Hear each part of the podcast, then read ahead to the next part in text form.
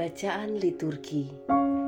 Rabu 11 Januari 2023 Hari biasa Pekan biasa pertama. Bacaan dari surat kepada orang Ibrani. Bab 2 ayat 14 sampai dengan 18 Saudara-saudara, orang-orang yang dipercayakan Allah kepada Yesus adalah anak-anak dari darah dan daging.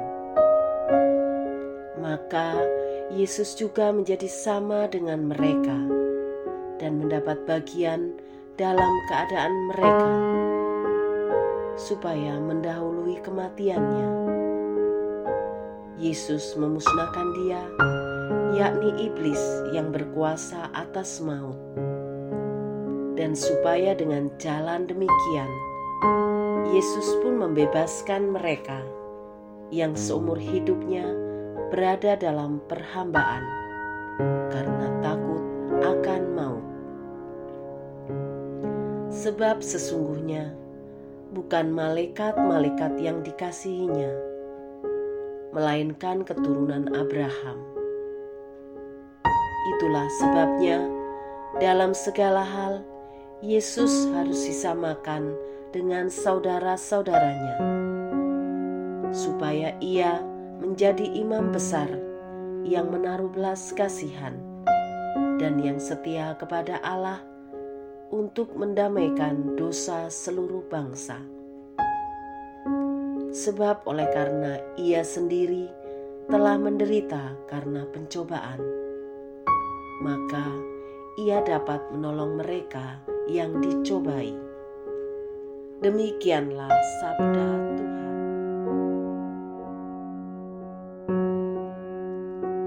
Bacaan dari Injil suci menurut Santo Markus bab 1 ayat 29 sampai dengan 39. Sekeluarnya dari rumah ibadat di Kapernaum, Yesus dengan Yakobus dan Yohanes pergi ke rumah Simon dan Andreas. Ibu mertua Simon terbaring karena sakit demam. Mereka segera memberitahukan keadaannya kepada Yesus.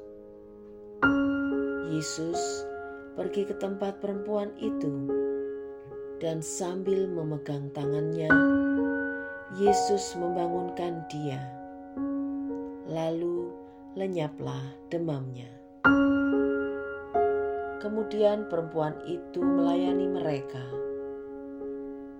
Menjelang malam, sesudah matahari terbenam, dibawalah kepada Yesus semua orang yang menderita sakit dan yang kerasukan setan maka berkerumunlah seluruh penduduk kota itu di depan pintu. Ia menyembuhkan banyak orang yang menderita bermacam-macam penyakit dan mengusir banyak setan. Ia tidak memperbolehkan setan-setan itu berbicara, sebab mereka mengenal Dia.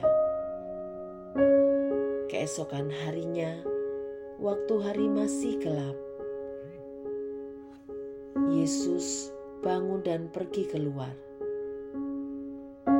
Ia pergi ke tempat yang sunyi dan berdoa di sana.